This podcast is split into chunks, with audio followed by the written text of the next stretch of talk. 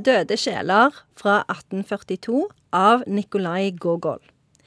Tsjitsjikov reiser rundt til gårder for å kjøpe døde sjeler, dvs. Si bønder som har dødd siden siste folketelling. Slik skaper han seg ei fiktiv formue som han kan låne penger på i statsbanken. Det går til helvete.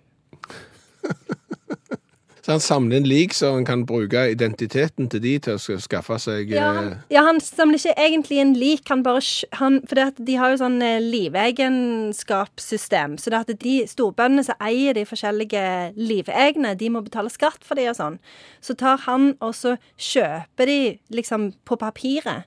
Og så betaler han en liten sum til de, så slipper de å betale eh, skatt. Og så kan han bruke de til å låne penger i statsbanken. Egentlig har han de jo ikke. Så jeg vet ikke, det er en slags sånn pyramide... et 10 community Ja, i, i, uh, i Russland. Ja. på 1800-tallet. Ja, flott. Ja.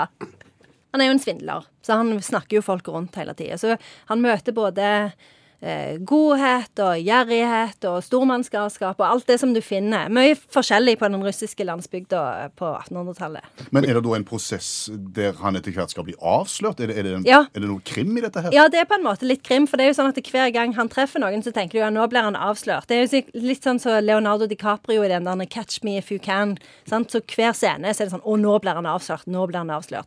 Så til slutt så blir han jo avslørt, da. Det er jo da det går til helvete.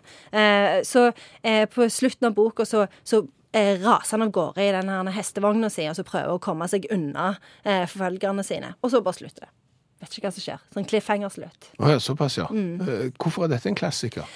Eh, Døde sjeler er jo eh, en tittel som henspiller både på disse herne eh, folka som faktisk er døde, og på de folka som bor i Russland i denne perioden, er døde sjeler. Sant? Det er folk som ikke har noe eh, sinnsliv, og, og det er en sånn kritikk, da. Mot, eh, mot hele det der systemet, altså det der, eh, systemet som, som var i Russland på den tida. Og så er det en veldig sånn fantastisk altså Han er jo utrolig god å beskrive folk og møte med mennesker og liksom alle de der mekanismene som styrer forholdene mellom mennesker.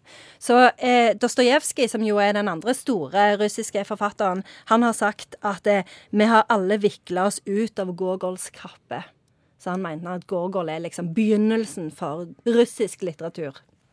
Er det et eh, berømt sitat fra verket? Det er et sitat som er eh, fra det siste avsnittet i boka, og det er dette.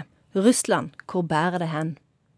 Ja, Det er et godt spørsmål. Ja, Det, Ja, det er bærer jo iallfall ikke av sted til OL på Pyeongchang, for det får de jo ikke være med, så, så det er gjerne et frampek.